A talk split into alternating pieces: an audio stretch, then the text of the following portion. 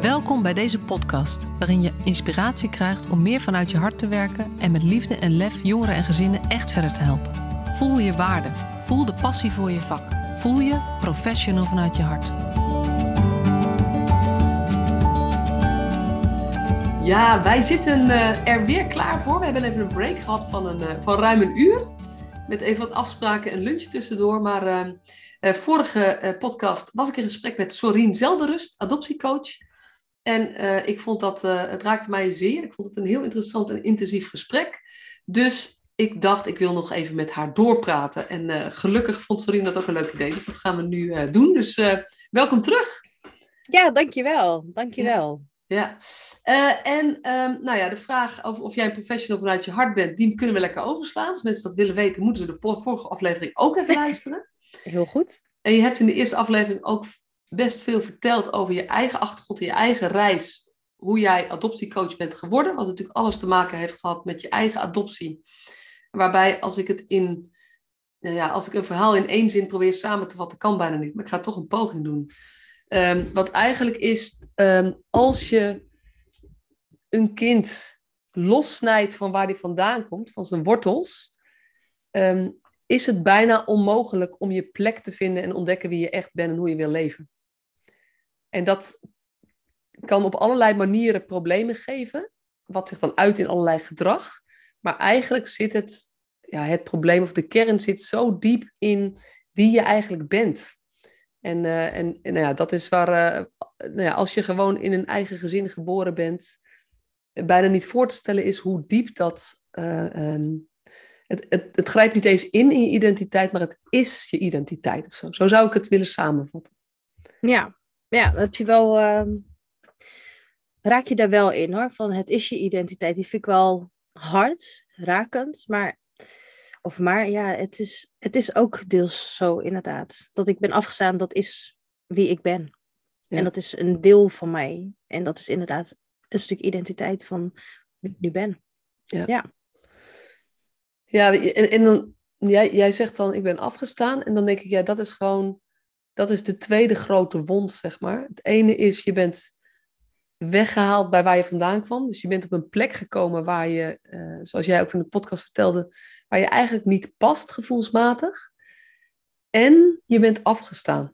En een nog naarder woord voor afgestaan is weggedaan, natuurlijk. Mm -hmm. En die hoor ik ook een beetje uh, er doorheen. Um, nou ja, dat zijn volgens mij de. Nou ja, daar hebben we het ook wel veel over gehad in die eerste podcast. Ja, ja kijk, um, onze opleiding heet ook niet voor niets hè, uh, afstand en adoptie. En uh, zo staat hij ook uh, bij de HAN, staat hij ook aangeschreven, de professionele ondersteuning naar afstand en adoptie. En um, ik zal even uitleggen, de HAN is de Hogeschool Arnhem en Nijmegen. Daar is een post-HBO en voor de studenten een minor, waar ze een half jaar lang uh, de verdieping hebben over uh, nou ja, afstand en adoptie, maar onder andere ook uh, pleegzorgen in terugkomen. Um, en dan krijgen ze nou ja, les erin van twee collega's van mij. Maar onder andere ook van een afstandsmoeder en natuurlijk van de Han zelf. Dus dan gaan ze meer verdieping vinden over, nou ja, onder andere de geschiedenis, hè, de adoptiewet die sinds 1956 er is. maar ook hoe het toen was in die tijd hè, met ongehuwde moeders, welke instanties er waren, uh, maar ook de begeleiding, hoe dat is gegaan en de begeleiding, hoe het nu is. Uh, nou ja, de traumatische ervaring natuurlijk voor de geadopteerden. Uh, eigenlijk vrij breed. En ik weet nu van de tweede groep, um, zitten daar voornamelijk mensen in vanuit de zorg ook die verdieping willen. ik weet niet zo of jeugdzorg er ook bij zit, maar zal me niks verbazen. Uh, ik heb zelf de eerste uh, meegedaan. Uh, dus de eerste lichting, om zo maar te zeggen. Daar zaten onder andere ook binnenlands geadopteerden bij, ook adoptieouders. nou, het was gewoon heel bijzonder om dat mee te maken, omdat je dan wel met een soort van gelijkgestemde ook zit met de andere geadopteerden. Maar je bent wel ook al daar als professional. Dus dan zie je ook inderdaad die dunne lijn weer waar we het de eerste keer ook over hadden. Um, maar er is gewoon nu veel meer gaande. En dat is gewoon hartstikke mooi dat er meer kennis over wordt gedeeld. Hè. Dat, is, dat is ook een beetje mijn opzet, wat ik deelde natuurlijk op LinkedIn, waardoor wij connecten. Um, en wij hebben zelf natuurlijk ook vanuit het AFC, en die staat voor Adoptie en Force Coaching Nederland, uh, hebben wij ook twee opleidingen. Eén is onder andere de adoptiecoachopleiding, dus dat je echt adoptiecoach kunt worden.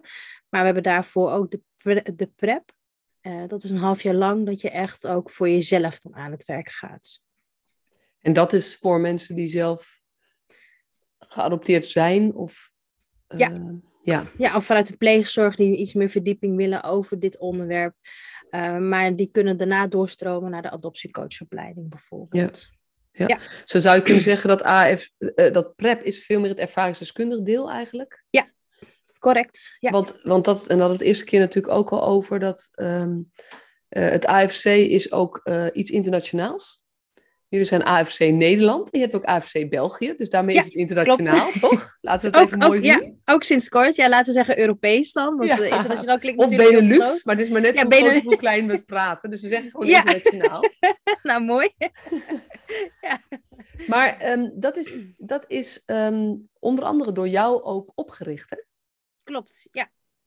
ja kan, je eens vertellen over, uh... kan je eens vertellen over... Um, je, hebt natuurlijk je eigen proces gehad, daar heb je al veel over verteld. Uh, en op een gegeven moment merkte je ook wat er is aan kennis of reguliere hulp schiet tekort. Ja. En van daaruit, toen ben je ook mensen tegengekomen, je noemde al je eigen, uh, jouw eigen coach, Hilbrand Westra.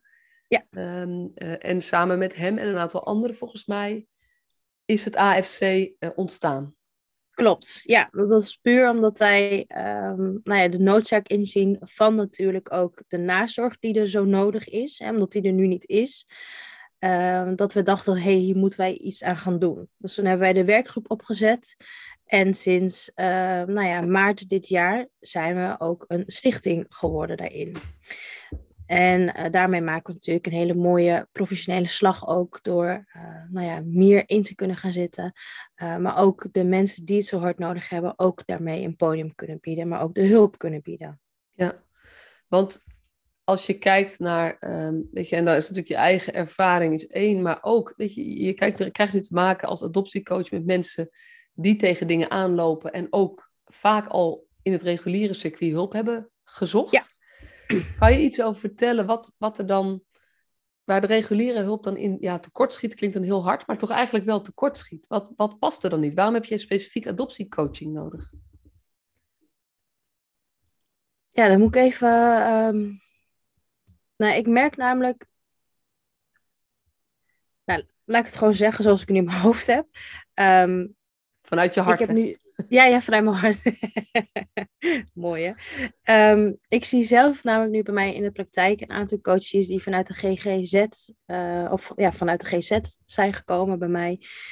Um, die alle twee nu ook aangeven, of nou, vorig jaar werd ook meer, die aangeven, ja, wij missen gewoon dat iemand mij begrijpt.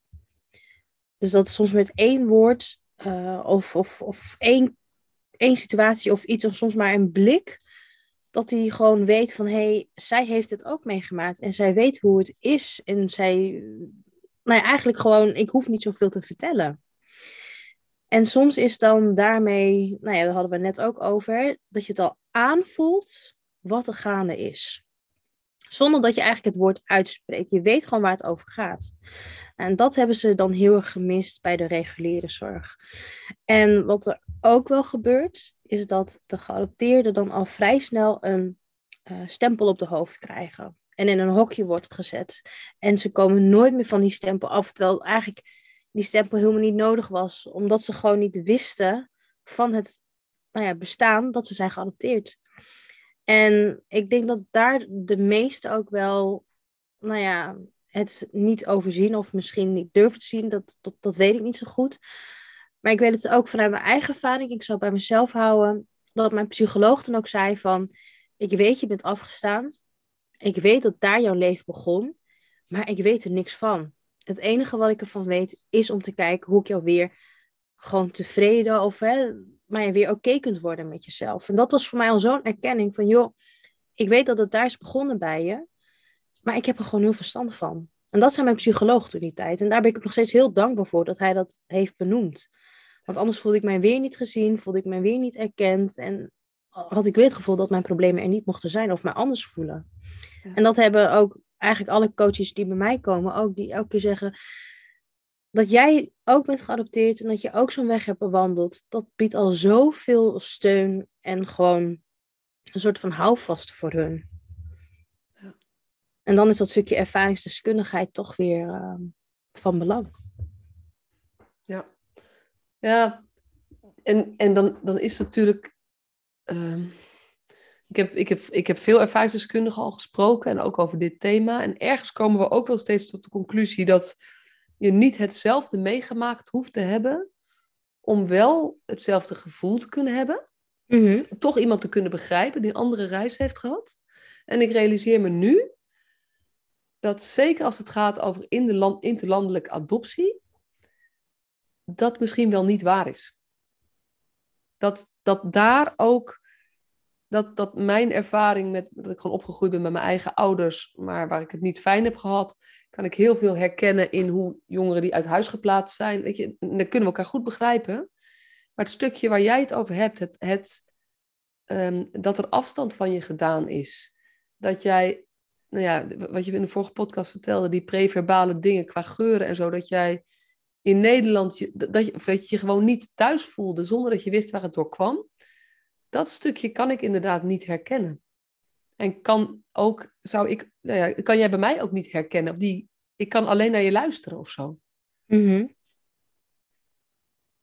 Dus dan zit er ook, um, dus er kan wel, het gevoel kan wel hetzelfde zijn, maar er moet ook wel enige zelfde ervaring toch in zitten.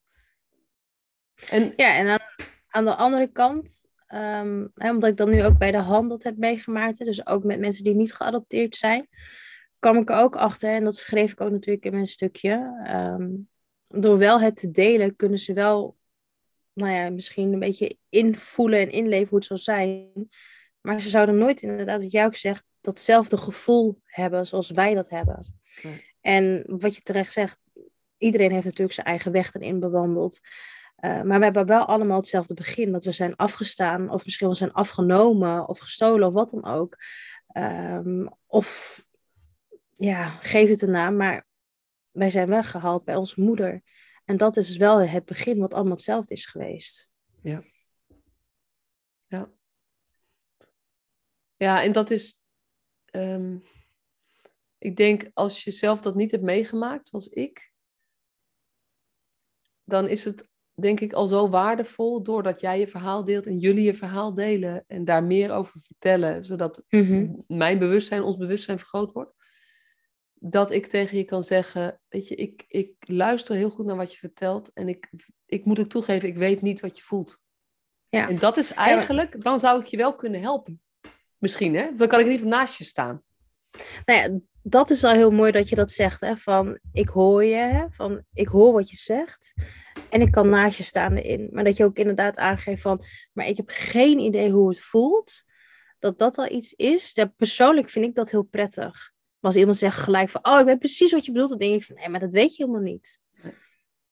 Nee, en dat is natuurlijk ook persoonlijk vanuit mij, hè, van dat ik gelijk daarmee in de ankers ga en uh, gelijk een aanval moet doen van, oh, maar je weet het helemaal niet. Nee, absoluut niet. Maar als je dit nu al zegt, daardoor word ik zelf ook al mail dat, dat ik denk van, oh ja, nu durf ik meer te vertellen hè, over het trauma wat we ja, bij ons dragen. En, uh, maar ook de focus die er nodig is voor de nazorg. Um, nou, en natuurlijk ook voor ons als, als, als, ja, als geadopteerden, maar ook voor de asselsmoeders, hè, die er ook zijn. Die zijn er natuurlijk ook. Die mogen daarin ook worden gezien. daar is natuurlijk ook veel leed mee nou ja, gebeurd, om zo maar te zeggen. Die moesten misschien ook wel hebben ontkend lange tijd dat ze geen kindje hadden. Of, of ja, misschien hebben ze er heel lang mee geleefd en zijn ze nog steeds op zoek naar hun kind. Ja. Dus ja, die zijn er ook. Ja. Ja. ja, en dat is natuurlijk de afstandsmoeders in, uh, nou ja, in Korea, in Colombia, in Sri Lanka, in dat soort landen. Maar, ook, ook, hier in Nederland. precies in de jaren zestig, dat het nog, het is natuurlijk vorig jaar zo, ik weet niet meer dat, dat wat uitgebreider in het nieuws kwam. Ja. Dat er best wel een grote groep vrouwen is die onder druk haar kind heeft moeten afstaan. Ja, klopt. Ja. Ja. ja. en dat is dus iets, en nou, dat, dat krijg je dus. Stel dat dus nu iemand hè, vanuit de jeugdzorg uh, luistert. Um, nou ja, die kunnen dus dan ook die post-HBO doen bij de Han. Uh, maar wat ook heel mooi is, ik heb binnenkort uh, bij uh, Pleurijn, daar onder andere heb ik ook een traject gedaan met een, met een cliënt van mij. Die zat in de gesloten jeugdzorg ook. Die is ook geadopteerd. En ehm, maar ja, zijn groep, hij, hij zit er trouwens nu al lang niet meer hoor, maar zijn groep die wil heel graag gewoon meer informatie over afstand en adoptie. Wat houdt het in? Wat doet het met onze jongeren?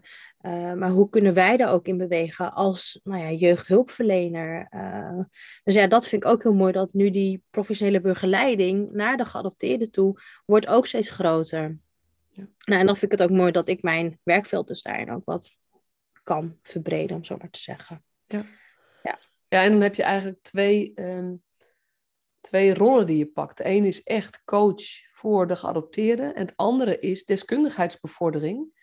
Door ook je eigen verhaal mee te nemen, maar ook die bak aan kennis die je hebt, waar je altijd wat bescheiden over bent, maar die je echt wel hebt, ehm, die gewoon ook zo belangrijk is om te delen met ons onwetenden. Zo maar, weet je, en dan maak ik mezelf kleiner. Hè? Dat is, maar, maar, bij, maar basically gezien toch wel. Ja. ja, en nu je zo zegt, denk ik ook van dit is ook zo enorm nodig. Ik was er altijd van overtuigd van mensen die niet geadopteerd zijn, kunnen niet, ja, andere geadopteerden gewoon niet helpen. Maar ik kom er nu een beetje op terug. Um, kijk, wij hebben natuurlijk wel het gouden ei, om zo te zeggen. Wij zijn zelf geadopteerd, dus dat is al een enorm voordeel. Maar alle basis die er dus nu zo hard nodig is, onder andere in de jeugdzorg die ik nu ja, gewoon tegenkom, waar nu ook af en toe gewoon beroep op wordt gedaan, is wel nodig. Dus hoe gaan we in het begin ermee om? Hoe kunnen we wel herconnecten met mijn cliënt? Uh, hoe kunnen wij wel het gehoor geven of de erkenning die nodig is? En hoe kunnen we dat dan samen met jou doen?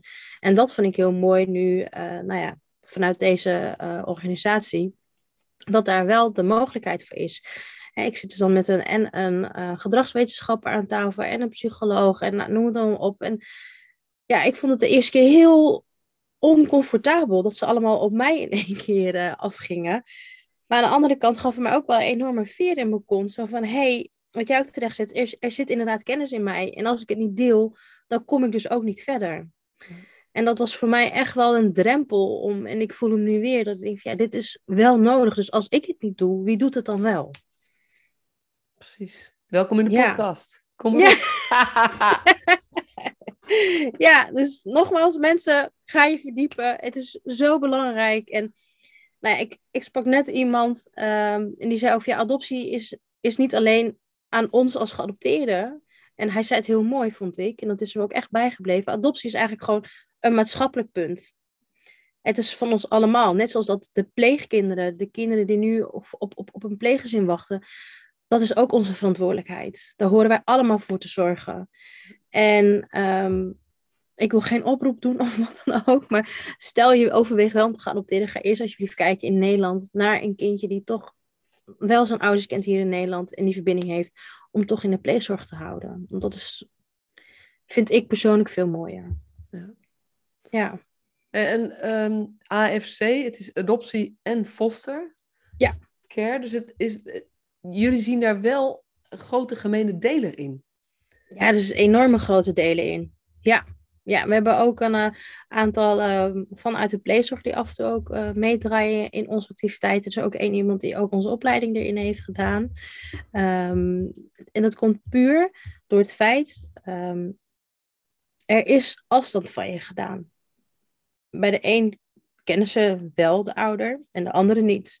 Maar puur het stukje dat je lichaam zich heeft afgewezen gevoeld, dat zit zo diep in je. Die overeenkomst, ja, die zijn gewoon heel gelijk. Maar zou je dat dan niet kunnen doortrekken naar alle kinderen die uit huis geplaatst zijn? Uiteindelijk wel. Verplaatst, die ook op groepen verblijven. Ja, maar je kunt ook hè, met migratie, migratie is dan wel een ander verhaal. Bij migratie kiezen ze er zelf voor, dus dan is er geen dwang geweest. Bij um, adoptie is natuurlijk wel een bepaalde dwang geweest en geen keuze. Um, maar je zou hem eventueel nog verder kunnen trekken als je dus gaat kijken, um, moet ik het even goed zeggen, adoptie is, wat ik net ook al aangaf in onze eerste podcast, is een rouwproces. Dus mocht je een ouder verliezen of wat dan ook, dan heb je daar natuurlijk ook veel overeenkomsten mee. Maar echt de basis vind ik, uh, vanuit pleegzorg en adoptie, is dat je die breuk hebt tussen de ouder. Ook de vader, maar ook de moeder, ja, met name de moeder. En dan is er natuurlijk wel contact ook in de pleegzorg, maar die is niet zo actief als een normaal moeder en kind, om zo maar te zeggen. Ja, en, ik, nou, en dan moet ik ook echt denken, toch, ik, ik, ik zit natuurlijk in die jeugdzorgwereld, ook echt denken aan de kinderen die op groepen verblijven, de intensievere groepen, de gesloten mhm. groepen die je al noemde, waar vaak de rol van en de plek van ouders zo klein is. Weet je, dan kunnen we allerlei dingen over. Maar het resultaat is wel, en dat is ook wat je van kinderen terug hoort. Ik zit hier, maar mijn ouders dan? Dat is zeg maar iets. Ja. Uh, en ook, um, uh, ik zit hier en waar zijn mijn ouders dan? Ja, ja klopt. Ja, en eigenlijk wil ik hem dan nog weer terug nemen. Want voordat een kind op de gesloten afdeling komt, gebeurt natuurlijk heel veel. Dus daar, daarvoor begint het eigenlijk al. Hè, van de verplaatsing van uh, het eigen gezin naar een ander gezin. Van het ene gezin naar een open. En dan vaak van open naar gesloten. Zo gaat het toch in het algemeen. Uh, ja. Ja. Nou ja, dan heb je zoveel verplaatsingen, wat eigenlijk ook al niet goed is voor een kind. Helemaal op zo'n leeftijd niet. Die verplaatsing doet natuurlijk heel veel met je. Elke keer weer de onveiligheid, elke keer weer eens nieuw opbouwen. En gewoon niet weten of je hier kan blijven. Nou, dat is voor een geadopteerde is dat nou ja, nog minder, om zo maar te zeggen. Want die heeft al zo'n verplaatsing meegemaakt. Dus er wordt elke keer ook weer aanspraak gedaan op jouw trigger van jouw trauma. Ja, precies. Dus iedere uh, een verplaatsing is sowieso voor alle kinderen. Dat, dat, deel ik heel erg met je. Uh, maar door dat, dat, dat hele jonge trauma wat ieder geadopteerd kind heeft. Weet je, dat is niet eens een vraag of je het hebt, dat heb je. De vraag is hoeveel last heb je ervan? Dat kan wat wisselen. Maar je hebt het wel en het vraagt verzorging. Um, en doordat dat trauma gewoon in je lichaam zit, in je systeem zit, is een verplaatsing voor een geadopteerd kind altijd nog heftiger. Ja, ja en helemaal als erbij komt hè, dat weer de ouder uh, weg wordt gehaald. Hè, dan eerst gewoon, of de gewone, maar je moeder, daarna de adoptie adoptieouder uh, die eruit wordt gehaald. En dan weer een nieuw systeem, constant weer wisselen van nieuwe plekken. Ja. ja. En wat je terecht zegt, hè, uh, het is een trauma. Het is net inderdaad hoe zwaar je het aanhoudt. Maar heel veel mensen vinden trauma gelijk heel zwaar klinken. Maar eigenlijk al een wondje op je hand is al een trauma. Hè? Dus het is net hoe zwaar je eraan tilt. Ja. ja. Ja, het is net hoe zwaar je aan, eraan tilt. En aan de andere kant lees ik, ik, nee, ik, ik zei het volgens mij ook in het vorige gesprek, ik weet niet meer wat we in het voorgesprek hebben gehad in de podcast. Maar we hadden het al even over trauma. Ik ben daar wel heel veel over aan het lezen. En uh, dat ook de impact van trauma zoveel groter is dan we tot nu toe hebben, ge, um, hebben gezien. Waarbij het niet over gaat, laten we alsjeblieft iedereen het label geven getraumatiseerd. Mhm, veel mhm. meer kijken dat, um, het, de problemen die iemand tegenkomt in zijn leven. En wat wij dan, soms zijn dat gedragsproblemen, of het zijn emotionele problemen, of het is gewoon niet lekker in je vel, of whatever. Dat we eigenlijk ook veel meer uh, in onze blik mee gaan nemen. Is dat uh, dit zichtbare gedrag, of waar begint dat ergens? En dat je dan, als je verder gaat kijken, dat het heel vaak samenhangt met eerdere trauma's. Ja, want als je dan, nou, dat is wel mooi wat je zegt, als je dan inderdaad verder teruggaat, eigenlijk begint het dan bij de duizend dagen voor de zwangerschap hè, van de moeder. Daar begint het eigenlijk al. Dus hoe um, leeft de moeder, om zo maar te zeggen, op dat moment? Dan op het moment van zwangerschap, uh, hoe heeft zij die zwangerschap meegemaakt? En als je kijkt dan naar adoptie, Um, heeft mijn moeder misschien wel gedacht van, oh, ik moet mijn kind gaan afstaan. Uh, dus misschien heeft hij wel heel depressief geleefd in mijn zwangerschap daarmee geeft ze dus eigenlijk ook al gelijk wat over naar mij. Dat, dat is al een deel van mijn blauwdruk. Maar ja, ik weet niet hoe zij heeft geleefd. Maar als ik kijk naar mezelf, ik ben in mijn laatste zwangerschap uh, niet super depressief geweest, maar ik zat er wel tegenaan. Ik heb het niet als heel leuk ervaren, dus ik weet wat ik meegaf aan mijn kind op dat moment. Maar als je dan daarbij stilstaat, en wat je terecht zegt, we nemen allemaal iets mee, trauma op trauma, maar ook van onze voorouders. En zelfs misschien daar nog voor. Dus daarom is het zo belangrijk om te weten waar kom je nou vandaan en wat neem ik daarvan uit mee, want dat maakt wel wie ik ben. En waar we net ook over hadden, uh, wat je zei van, hé, ik durf dat aan te gaan, die angsten, hoe pijnlijk het ook is. Want als je dat niet doet, inderdaad, dan geef je die blauwdruk weer mee aan de volgende generatie. Ja. ja. Ja, en ook dat, ehm, dat het een illusie is om te bedenken dat je het trauma voor je kinderen kan voorkomen. Het begint Ja, ook- nee, nee. Dat is zeg maar ook, dat was aan de ene kant was dat, is dat ook een pijnlijke constatering. En aan de andere kant is het zo bevrijdend als ouder. Hoe goed je het ook Ja. doet. En hoe goed iedere Ja. ouder het ook doet. Je geeft je kind onbedoeld gewoon kwetsuren mee. Ja. En, Ja. en dat doen we allemaal. Dus daarmee worden we ook, eh, eh, want ik denk ook wel eens die ouders die het zwaar hebben gehad in het leven en daardoor nou ja, met jeugdzorg, met jeugdbescherming te maken hebben gekregen, omdat ze echt niet zo goed met hun kind konden omgaan of voor ze konden zorgen. Mhm. En dan zitten daar een soort van perfecte hulpverleners tegenover die het dan wel goed zouden kunnen. Ja. Weet je, het is gewoon een illusie, want ook ik doe dit, weet je, ik belast mijn kinderen ook eh, Ja. onbedoeld. Ja, en eigenlijk is het wel mooi wat je nu zegt, hè? want nu komen we weer uit, uit bij de ouder.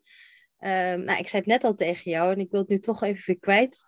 Ik zou heel graag ouderzorg willen in plaats van jeugdzorg. Ehm, want ik ben er wel van overtuigd. En misschien is het haalbaar. Ik, ben- ja, ik ben nog een beetje aan het dromen, maar ik zou het zo mooi vinden als we daar ook een zorg voor kunnen krijgen. Ja.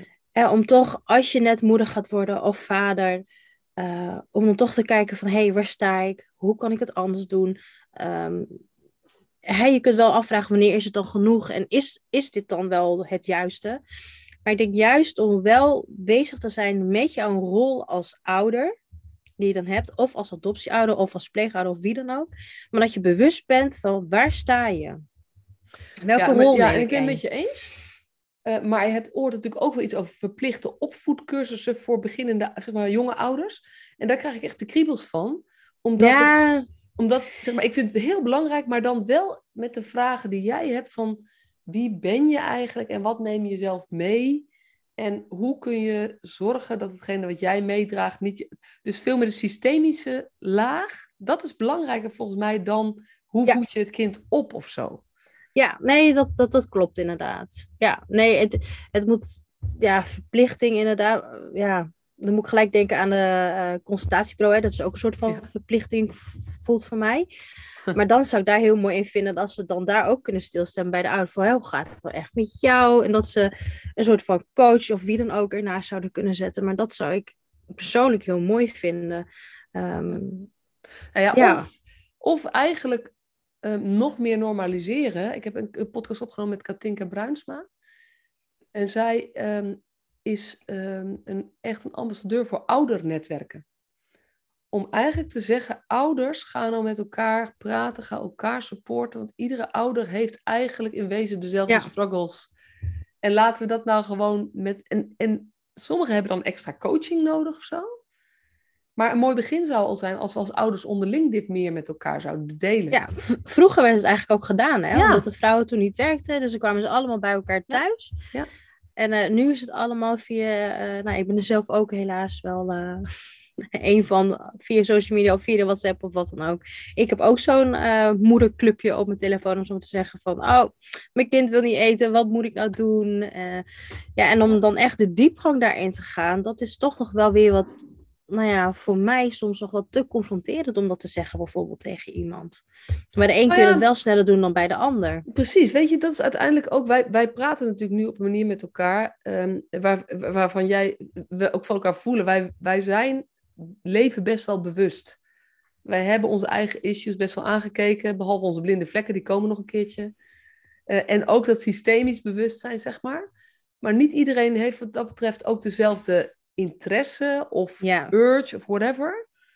Dus misschien moeten we het ook in die zin. ehm, iedereen is 5% meer daarover met elkaar praten. En dat betekent dat, dat het voor ons betekent 5% dieper op zoek naar blinde vlekken. En voor andere mensen misschien 5% eh er eens met elkaar over hebben. Goh, eigenlijk hoe, eh, hoe ga je ermee om dat je kind heel veel op jou lijkt of juist helemaal niet op je lijkt? Ja. Wat ook al Ja, iets is. En ik vind het wel leuk dat je zegt blinde vlekken, maar ik, ik kwam er van de week nog weer eens tegen. dat Ik denk, oh ja, dit had ik toch moeten weten, hè? dat had je toch moeten zien. Maar ja, Ja. Weet je, en glimlach erom, wees mild en denk, ja, nou ja, weet je, zo eh, tot, tot de volgende blinde vlek. Ja. Want je, je houdt Nee, ze absoluut. toch. Maar goed, even terug naar het, naar het, naar het eh, professionele Ja. stukje. Want uh, je Zie je nu hoe dun die lijn is, dat we elke keer terugschieten? Ja, ja, ja, ja, ja, ja, ja. Maar ja, dat is natuurlijk eigenlijk wat hele professional vanuit je hart gaat hierover. Ja. Dat ik geloof dat je echt een betere professional bent als je je eigen hart meeneemt. En hart staat dan voor mij voor wat je meegemaakt hebt, wat je voelt, wie je bent, wat je belangrijk mhm. vindt, wat je drijft, maar ook wat je pijn doet. En niet dat je het meeneemt in de zin van dat moet je met iedereen delen, maar mhm. wel dat is, uh, als je dat kunt, daar meer bewustzijn op krijgt, word je gewoon een betere professional. Want dan kan je kiezen in hoe, hoe je dat meeneemt en wat wel en niet. Dus voor mij ligt die ook gewoon heel dicht bij elkaar. Ja, en dan wil ik eigenlijk ook zeggen, eigenlijk zijn het gewoon jouw levens, levenswerk, nee, ehm, je levensvraagstukken in jouw eigen identiteit, die je omzet in je relatie als professional. Maar het is uiteindelijk vaak ook zo dat je meestal, de mensen voor wie je het meest van betekenis kunt zijn, zijn de mensen die je tegenkomt in je leven, die te maken hebben met een struggle die jij op de een of andere manier gemasterd hebt. Ja. En dat geldt volgens mij voor iedereen. En bij jou is het heel specifiek adoptie. Mm Maar volgens mij geldt dat voor iedereen. Iemand die, die uh, ooit te maken heeft gehad met schulden en daar goed doorheen is gekomen, die kan wellicht ook iemand heel goed helpen die te maken heeft met, uh, weet ik veel, een, uh, met opvoedingsproblemen of zo, als de gezinscoach is of zo. Mhm. Maar die zal net dat extra kunnen betekenen als die te maken krijgt met een gezin wat ook schulden heeft en waar die, die, nou ja, die eigen ervaring, zonder alles te vertellen wat hij meegemaakt heeft, maar dat neem je gewoon mee. Ja. Dus het, het gaat ook over dat we dat meer erkennen, dat het gewoon uitmaakt. En weet je, ik kan ook, ehm, ik kan ook echt mensen wel verder helpen die een heel ander, ander leven hebben gehad dan ik. Maar ik weet dat ik het meest van betekenis kan zijn voor mensen die een beetje dezelfde struggles uh, kennen als ik, zeg maar. Ja. ja, en dat is ook heel mooi hè, wat je zegt. En nou ja, daar begonnen we ook natuurlijk mee. Ehm, door inderdaad soms maar één woord te hoeven zeggen of nou ja, als diegene jou dat verhaal vertelt, dat je het zelf ook voelt van hé, hey, ik weet gewoon wat je doormaakt en dat je dat ook echt kunt zeggen vanuit puurheid. Ja. Ik begrijp je. En dat is negen van de tien keer is dat al zo'n enorme ijsbreker dat mensen zich gelijk veilig voelen bij je en ook door durven te vertellen en ook hun hele ziel blootleggen aan je. Maar dus niet als uh, ik heb zelf een heel erg, ja, mag ik zeggen, hekel aan of weinig vertrouwen. En ik heb heel weinig met gespreksvaardigheden. Omdat dat het risico in zich heeft dat je technisch gezien de goede vragen gaat stellen. Of technisch gezien weet hoe je moet reageren. Als, maar waar, wat oh, het verschil maakt is als, of, het, of het ook doorleefd is, die reactie of die vraag. En natuurlijk, weet je, als je iets doorleefd hebt, dan is het heel goed uh, om, ook, uh, je, uh, om ook je professionele vaardigheden te vergroten. Maar professionele vaardigheden zonder dat stuk van jezelf erin, hebben minder, ja, ja, betekenen minder of zoiets. Ja, dan moet ik gelijk denken aan jouw, um, nou ja, ik weet nu even haar naam niet meer, maar de, um, die podcast wat ik zei tegen jou, van, wat kun je dan nog wel zeggen en wat niet? Om dan niet iemand uh, te kwetsen. Ja. Daar moet ik nu heel erg aan denken. En ja, de gespreksvaardigheden, ik weet eigenlijk niet of ik die standaard gebruik. Het is meer dat ik ook heel veel doe vanuit mijn eigen gevoel, wat ik voel dat kan. Ja. En daarmee heb ik wel geleerd om bepaalde woorden wel te gebruiken en bepaalde woorden niet, omdat die verkeerd kunnen worden geïnterpreteerd door de ander. Maar dat is ook iets wat je, ja, wat je voelt maar ook iets wat je hoort te leren. En dan ga je maar een keer onderuit en dan weet je dat voor de volgende keer ook. Daar ben ik wel van. Ja, ja. ja. Dat was de podcast met Yvonne Aartsen over opgroeien in twee families. Ja, ja. Een hele mooie podcast ook, die ook schampt aan dit thema, zeg maar. Omdat zij uh, een boek heeft geschreven samen met anderen um, over pleegzorg. En dat gaat over opgroeien in twee families.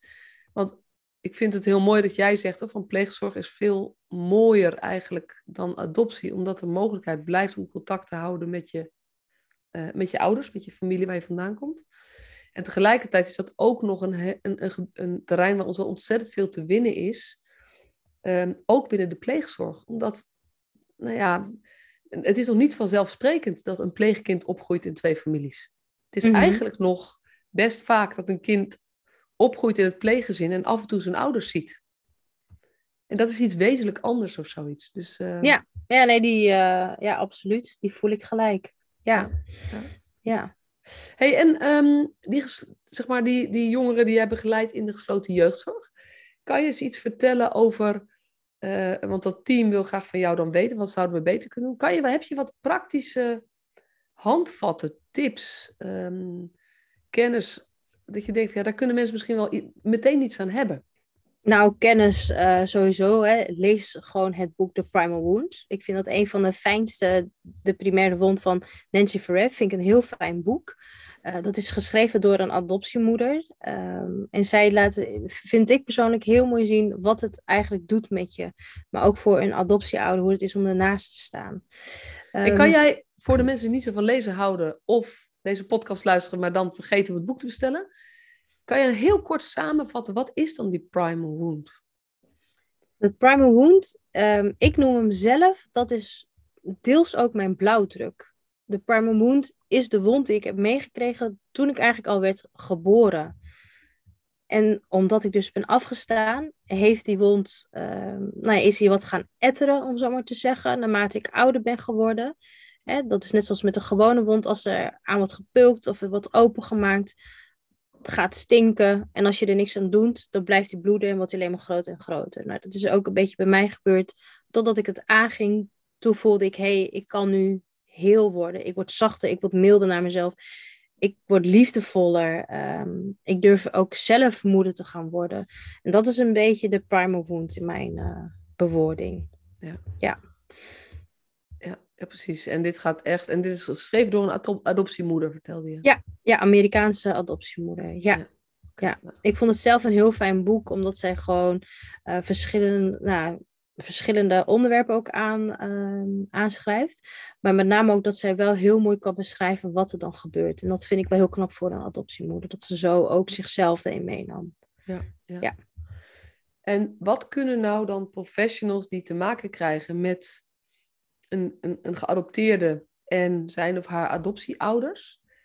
Um, wat, wat zou je dan zeggen van doe dit in ieder geval wel of doe dit in ieder geval niet? Of hou hier rekening mee? Um, nou, ik zeg dat eigenlijk tegen elke ouder. Ook tegen niet geadopteerde of gewoon tegen iedereen. Uh, als je je kind wil laten groeien, ga er niet op zitten. Ik weet niet van wie die uitspraak ook alweer was, maar als je graag verbetering wil zien, um, laat het dan een beetje los, hoe moeilijk dat ook is. En bij een geadopteerde is het nog een keer van, hè, als hij in de puberteit komt, moet hij zich en nog een keer gaan afzetten omdat hij puber is. Maar het gebeurt ook omdat hij geadopteerd is, dus hij moet ook nog een keer weer de verbinding en de hechting aangaan met zijn adoptieouder. Dus dat zou ik dan als eerste dan. En bedoel je daarmee dat eigenlijk dat hechtingsproces ehm, opnieuw bevestigd moet worden in die puberteit? Of in de ja, adolescentie? ja. ja, en het is meer een verstoring, vind ik, tussen de verbinding en de hechting. Dus daarin is al eigenlijk uh, heel dubbel. Omdat dus de, of nee, ik vond het heel moeilijk, ben ik nou verbonden met... Um, nee, laat, laat ik het zo zeggen. Ik voel mij verbonden heel erg met Korea en met mijn moeder in Korea. Maar ik voelde hier niet die verbinding eigenlijk met niemand. Ik voelde me wel gehecht aan mensen, maar ik voelde nooit die verbindenis die nodig was. Eh, dus wat hier gebeurt is, is eigenlijk dat de geadopteerde zich gelijk verbonden moet voelen. Hè? Wat jij ook zei, ja, gelijk doodknuffelen soms. Om maar die verbinding te hebben van je bent van mij en het is goed. Maar het gaat eigenlijk dan over gehechtheid. Dus vandaar dat die lijn ook weer heel dun is erin. Ja. En, nou, en, en ook dus vanwege, uh, je bent al zoveel tekort gekomen, wij willen het goed maken. Dat, ja, ook. Ja, en dat is naar mijn idee ook weer zo als ze dan in de puberteit komen van hé, hey, ik wil me eigenlijk ergens tegen afzetten, maar ik ben ook bang als ik me ga afzetten dat, weer, hè, dat ik weer word verlaten. Ja. Nou, en dat zie je in de, in, in de jeugdzorg, zie je dat helemaal. Want ja, als ik toch graag ga doen, ja, dan word ik weer verplaatst. Ja. En dat is niet echt een hele veilige basis in mijn ogen. Nee, nee. Dus even terug naar die mensen die gewoon werken met deze jongeren en die dus te maken hebben met deze adoptieouders, waar vaak echt hele ingewikkelde uh, conflicten ook zijn en heel veel pijn aan twee kanten. En bij de jongeren uit dat zich vaak een heel moeilijk gedrag, maar eigenlijk zit er natuurlijk alleen maar pijn onder. Ja. En bij de adoptieouders kan er in zitten dat hele hoge eisen. Maar er zit ook teleurstelling onder en onmacht. Ja. Ehm, wat is dan belangrijk in, in, als je met, met, met deze mensen te maken krijgt? Wat, wat, wat, helpt, wat helpt dan zo'n jongere op zo'n moment? Wat jij als professional kunt doen? Ik vind het ook wel persoonsafhankelijk. Maar als je hem zo stelt, dan eh, zou ik als professional eerst het gesprek aangaan met de adoptieouder zelf en met de geadopteerde zelf. En waarom zeg je nu als eerste de adoptieouder? Als zij dat niet kunnen erkennen in hun falen, om zo maar te zeggen, wat jij ook zegt van nou, hè, we doen zo ons best, maar het is ons niet gelukt. Als zij dat niet kunnen erkennen naar de geadopteerde, dan zal het voor de geadopteerde ook lastiger zijn om zelf daar in de rust te gaan vinden. Want omdat hij al zoveel last draagt. Want waarschijnlijk, hè, dat heb ik ook de vorige keer gezegd, is hij iets aan het oplossen voor hun. En draagt hij heel veel. Ja.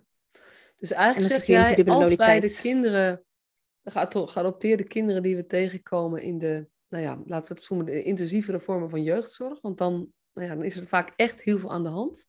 Mm Dan is het natuurlijk überhaupt de neiging dat we heel erg op het gedrag van diegene gaan inzoomen en gaan kijken hoe dat veilig kan worden. Mhm. maar, maar wat ik jou hoor zeggen is, eigenlijk zouden we dat een beetje los moeten laten. En zouden we veel meer moet, tijd moeten investeren om te kijken, is er ruimte bij de adoptieouders om het kind eigenlijk ehm, nou ja, te bevrijden van jij bent jij, bent niet, jij hebt niet gefaald, zeg maar. Jij bent goed zoals je bent. En wij vinden dat moeilijk. Ja, ja, ja. En ehm, wat ik zelf nu ervaar en zie, is, uh, en dat heeft natuurlijk een stukje met nature en nurture te maken. Ik heb ook dingen overgenomen van mijn adoptieouders. En dat, dat gebeurt, want dat zijn mijn voorbeelden geweest.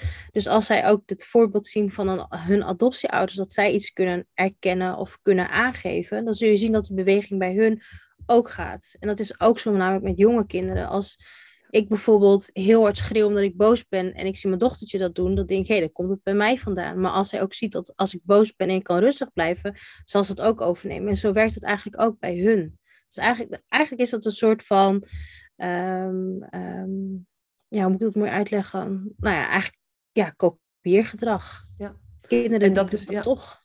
En ik denk dat dat voor alle, um, alle kinderen geldt, alle pubers geldt. Maar nu kan je luisteren dan, en ik, ik denk daarover door, dan denk ik, als je geadopteerd bent, dan geldt dat zo, sowieso extra sterk, omdat je eigenlijk jonger bent emotioneel in dat stuk van hoe je verbonden dan wel gehecht kunt zijn. Dus, dus is het nog belangrijker. Dat is denk ik weer een ander stuk. Want als je namelijk al met jongeren werkt, dan heb je gewoon over het kind. Hè? Helemaal als ze nog in die tijd zitten. Um, maar je kunt ze natuurlijk ook vragen, hè, hoe, hoe, oud voel je je eigenlijk? Ja. Want wat ik ook vaak zie bij mijn oudere coaches, um, als ik daarnaar vraag van, hey, welk verlangen is dit? Is dit van jouw innerlijke kind of is dit echt van de volwassen persoon die tegenover mij staat?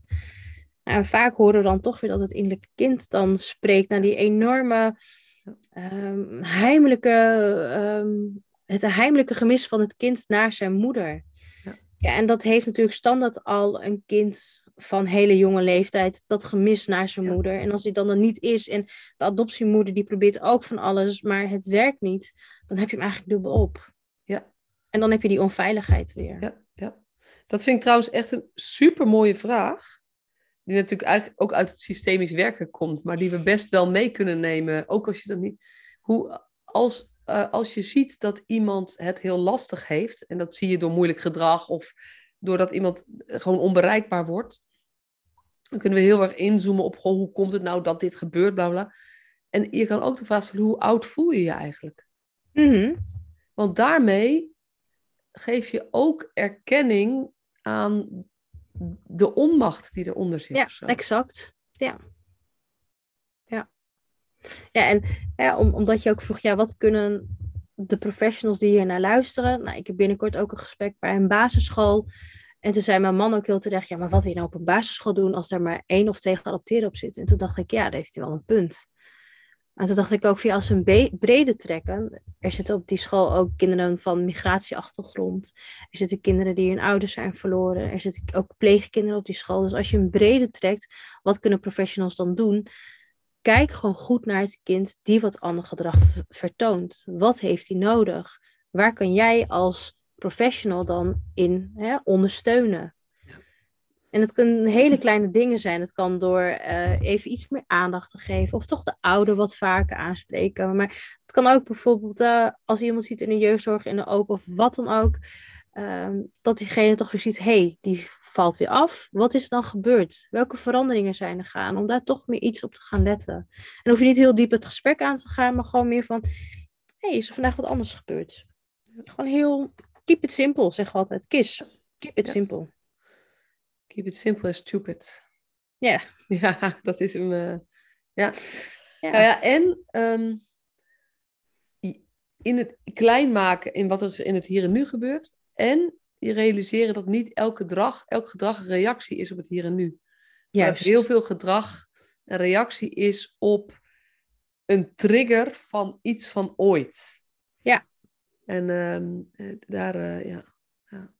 Ja, want eigenlijk, hè, ons lichaam leeft in het verleden. Ons lichaam die heeft triggers en daardoor reageren wij. En ons hoofd leeft nee, eigenlijk heel vaak, of, nou, standaard in de toekomst. Want ik kan nu met jou zitten, maar ik kan bijvoorbeeld straks al om vier uur bij mijn volgende afspraak zijn. Maar mijn lichaam die heeft bepaalde triggers bij jouw vragen. Dus die gaat dan weer aan door het verleden. En dat is ook hetgene wat nou ja, vaak los is gekoppeld van ons lijf, is ons hoofd.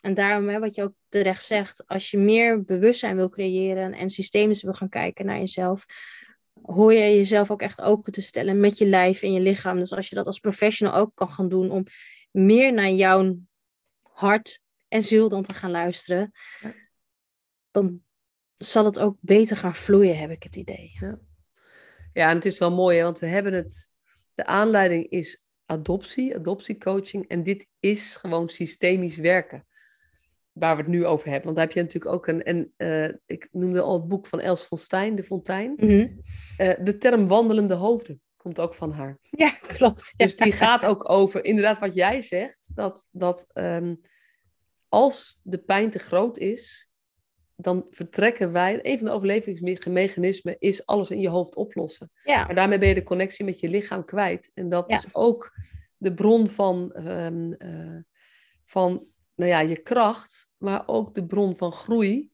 en tevredenheid en geluk en jezelf kunnen managen en alles, zeg maar. Dus het gaat ook over die connectie weer meer herstellen. Ja, Ja. ja. En dan misschien dan toch als laatste ook voor jou. ehm, moet je dus nagaan dat een geadopteerde alleen maar met zijn hoofd heeft geleefd. Omdat hij daar de controle over kan hebben en dat hij daar, daarin kan begrijpen. Maar omdat het lijf dus iets aangeeft van hé, er klopt iets niet, hè, wat ik zelf ook al he- heb ervaren. Dat is gewoon heel beangstigend, omdat je dus niet weet van hé, wat ga ik aan? Dus ik ga me in mijn overlevingsmechanismen door mijn hoofd aan te zetten. En dat zien wij heel veel terug. Ja, en wat bij mij meteen binnenkomt is, hé, hey, het klopt niet. Maar een klein kind kan niet bedenken dat het niet klopt. Dan is het heel, heel snel, Juist. ik klopt niet. Precies. En dat is En natuurlijk... dan gaat hij denken, een eigen verhaal maken, Ja. bang dat hij weer wordt verlaten. Ja, Hey, super bedankt voor alles wat je met ons wilde delen. En even voor de mensen die nou ja, hierdoor geraakt zijn of die eigenlijk zich meer in zouden verdiepen. Je hebt al een boekentip gegeven. Een andere goede tip is, ehm, eh, de, is het AFC. Hè? Want jullie, zijn, Ja. eh, jullie zijn ook groeiend. Ja. Want jij bent adoptiecoach, maar er zijn meer adoptiecoaches. Klopt. Ja. En is dat voor iedereen toegankelijk of hoe werkt dat? Ehm, daar zijn we nog over eh, in gesprek. maar in principe, iedereen die nu bij ons adoptiecoach is, die zijn allemaal AFC gecertificeerd. Dus die hebben ook allemaal hun eigen proces. Eh, en wij blijven ook, zeg maar, zelf ons up-to-date houden. Dus wij blijven ook altijd in de leer, om zo maar Ja. te zeggen. Ehm, niet geadopteerden, die hebben wij nu nog niet. Eh, maar wie weet dat daar nog in de, ja, in de toekomst iets verandert. Ja. En het is echt voor adoptiecoaching, eh, ook, en ik- ook voor jongeren kan je daar terecht. Of als je ouder bent, of als je adoptieouder bent en je wil eigenlijk met dit thema, omdat je merkt van, hé, het is voor mij wel dan kan je ook, zeg maar, in ieder geval via, via het AFC kan je op de Ja. goede lijn terechtkomen. Klopt, ja, via ons wel. Wij hebben dan niet dat wij, eh, ja, sommigen doen het wel, die adoptieouders ook coachen. eh, maar ik werk samen bijvoorbeeld met een adoptiecoach voor ouders. Ja, Ja, voor mooi. adoptieouders. Ja, Ja, ja. En wat misschien ook wel een leuke tip is, eh, is natuurlijk onze podcast. Misschien is dat ook nog wel leuk om te Ja, benoemen. noem van hem. Gewoon Bijzonder. Gewoon bijzonder. Ja, gewoon bijzonder. Daar vertellen Niels en ik ook over onze eigen problemen, maar ook meer eh, inhoudelijk soms. Dus eh, ja, misschien is dat ook nog wel een leuke als eh, professional. Dan leer je ook misschien wel, of nou ja, dan leer je de kijk hoe wij er naar kijken en wat wij ervaren. En eh, dat is het AFC. En Sorien, die woont ergens omgeving Zwolle. Ik weet niet of je Ik woon in Zwolle... Ja, ik woon in Zwolle, ja. En ik eh, ben werkzaam eh, in de ehm, eh, provincie Overijssel. Ik zit dus nu ook in Drenthe. En heel af en toe ben ik in Groningen te vinden. Dus, maar Groningen doe ik eigenlijk samen met mijn collega uit Friesland. Dus, Ja. Ja, Ja. precies. Dus de, en je doet ook gewoon traject als begeleider die dan weer vergoed worden door... nou ja, door eh, gemeentes. Ja, precies. ja Dus, eh, klopt. Ja. En, eh, dus dat is meer gewoon eventjes eh, dat ik ook vind dat ehm, eh, als mensen dan denken, hey, in, ik ken wel iemand in die regio, dan laat ze vooral lekker naar jou gaan. Ja, nee, maar ook voor, hè, stel in Amsterdam of wat dan ook. Ik heb echt collega's in het hele land zitten. Dus Ja. ja. het is de bedoeling dat wij helemaal Nederland kunnen gaan voorzien van onze expertise. Heel mooi voor adoptie, maar ook fostercare voor de thema's waar wij het ook over hebben gehad. Kunnen natuurlijk hele andere dingen spelen, maar deze thema's die zijn echt eh, overlappend. eh. Ja, En, en jouw is, eigen eh, website, die heeft een hele mooie naam. Mag je zelf zeggen? ja, dat is zo bijzonder. En dat is dan zo met S-O en dan bijzonder. Ja, Ja. Kan je als uitsmijter vertellen hoe je tot die naam bent gekomen? Ehm, jeetje, dat is bijna vier jaar geleden. En hoe ik eraan ben gekomen. Ja, ik ging mezelf inschrijven bij de KVK en ik denk van ja, ik moet een naam hebben. En Sorien coaching vond ik niks. Dus ik heb gewoon allemaal woorden opgeschreven. En ik denk van ik wil iets met mijn naam. En toen dacht ik, eh, en toen nee, man zei het volgens mij. Ja, maar adoptie is toch heel bijzonder, Sorien? Toen dacht ik, ah, zo bijzonder. En toen kwam hij tot leven. Ja, en daarom heet onze podcast ook gewoon bijzonder. Want mijn compagnon die heet gewoon Niels. En toen hebben we gewoon bijzonder ervan gemaakt. Ah, mooi. Mooi, Ja. mooi, mooi. Dankjewel. Is er iets wat ik niet heb gevraagd wat je nog graag wil vertellen? Of heb je alle kans gehad om te delen wat je wil delen? Oeh, eh, Moeilijke vraag uren aan het eind, hè? ja, volgens mij kan ik nog wel uren met je praten. Maar ehm, Gaan we ook doen, En- maar dan en- buiten de podcast, hè? ja, is goed. Nee, het enige wat ik heel graag wil delen is... als mensen iets hebben qua adoptievragen, pleegzorg of wat dan ook... eh, voel je alsjeblieft vrij om eh, mij of wie dan ook van ons vanuit het AFC gewoon om te benaderen. Want wij staan er echt voor open. En wij willen juist dat de zorg gewoon goed wordt voor iedereen. Dankjewel. Jij ook bedankt.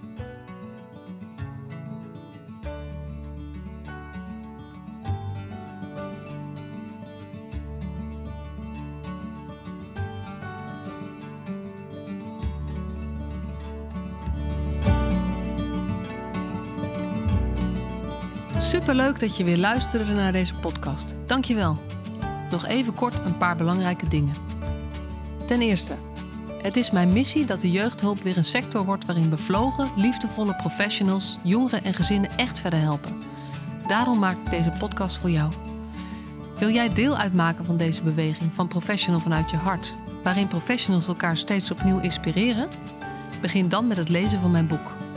Je kunt de eerste hoofdstukken helemaal gratis lezen. Ga naar professionalvanuitjehart.nl slash boek. Ten tweede, wil je alle podcastafleveringen overzichtelijk onder elkaar? Abonneer je dan op deze podcast.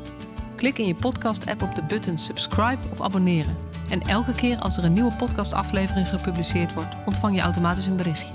Ten derde, ondersteun je mijn missie? Geef me dan een review via je podcast-app, bijvoorbeeld iTunes of Spotify. Op die manier kan ik nog meer professionals bereiken. En ken je een collega voor wie deze podcast ook interessant is?